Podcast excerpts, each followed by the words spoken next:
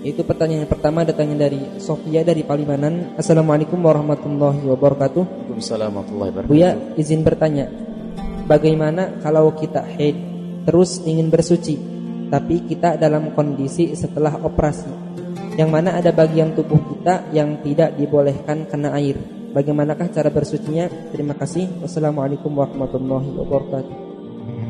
Ada seorang wanita yang haid atau yang lainnya hadas besar wajib baginya untuk mandi. Sementara untuk mandi tidak mungkin mengguyur air ke sekujur tubuhnya karena ada bagian yang tidak bisa terkena air.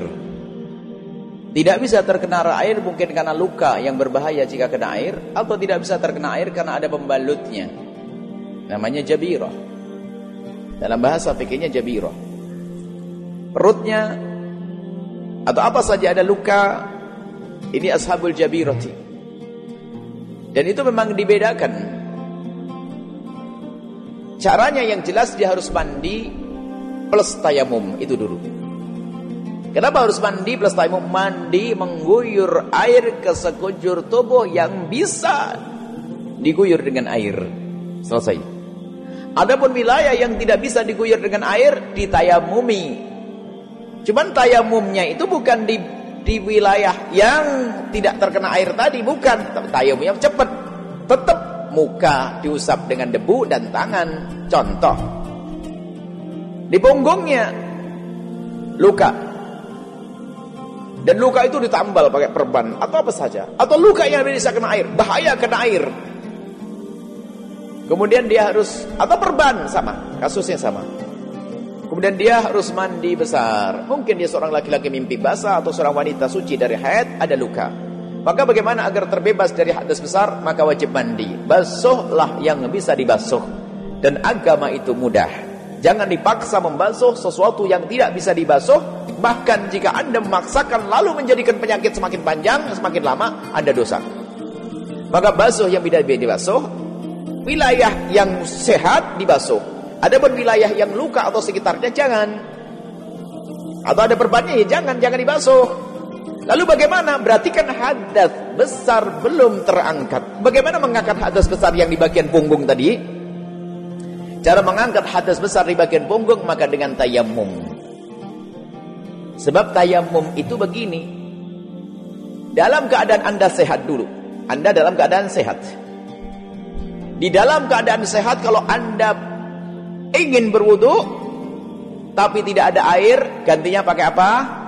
Tayamum. Tayamumnya adalah menepuk tangan, menepukkan tangan ke debu yang bisa dipakai bersuci, pakai tayamum, debu suci, debu yang asli yang tidak bercampur dengan apa pun. Mengusap wajah, tepuk lagi mengusap tangan. Untuk menggantikan apa? Wudu.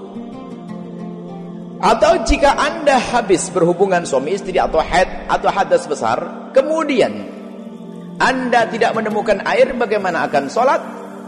Jawabannya sama. Diganti dengan tayamum. Tayamumnya mana? Bukan gulung-gulung.